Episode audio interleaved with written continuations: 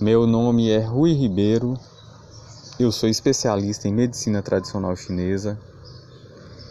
Outros recursos também da medicina japonesa eu associo aos meus tratamentos. Sou um adepto entusiástico da aromoterapia e hoje eu procuro associação de várias, vários recursos e técnicas que no decorrer de alguns anos eu fui estudando e desenvolvendo.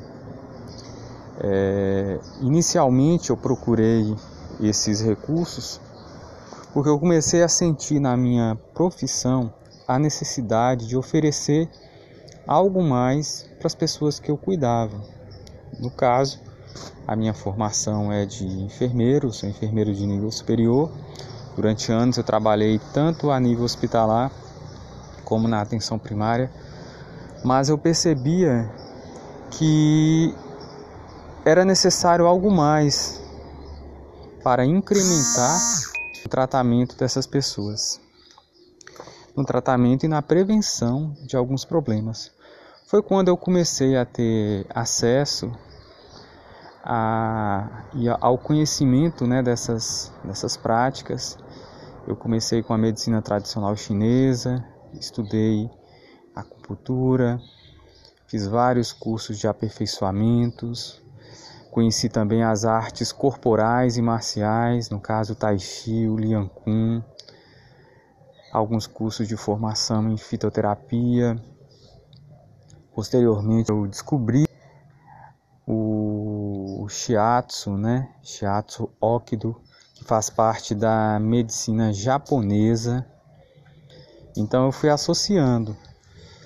E por fim, eu tive a grata felicidade de conhecer a aromaterapia, que já é uma, uma ciência mais ocidental, porém nessa linhagem também é integrativa e complementar.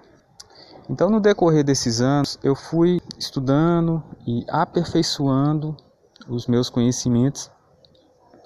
E hoje eu consigo integrar esses recursos que eu aprendi em todos esses anos de estudo. É, Para quem nunca fez nenhum tipo de tratamento de práticas integrativas e complementares, é importante a gente esclarecer alguns pontos importantes e principalmente deixar claro que isso é um recurso a mais. É um recurso que pode ser utilizado de excelente qualidade, né, de excelente resolução de problemas para algumas finalidades, de outras de forma moderada, em alguns poucos casos ter uma resolução menor, né? O que a gente procura hoje estar tá oferecendo é um recurso sério, um recurso que possa complementar os, até mesmo o tratamento convencional médico, fisioterápico, é, psicológico, que as pessoas já fazem com os profissionais devidamente habilitados, né?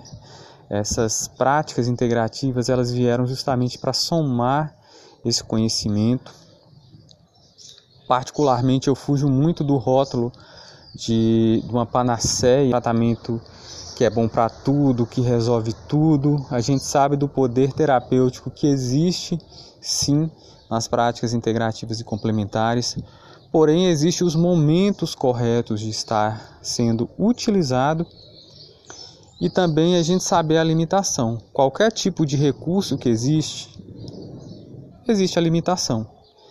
Então, é importante a gente sempre esclarecer que o que é bom para o outro nem sempre pode ser bom para mim. Da mesma forma, as, as, práticas integrativas e complementares. Qualquer que seja o recurso, pode ser que o resultado não seja o mesmo nas, nas, em pessoas diferentes.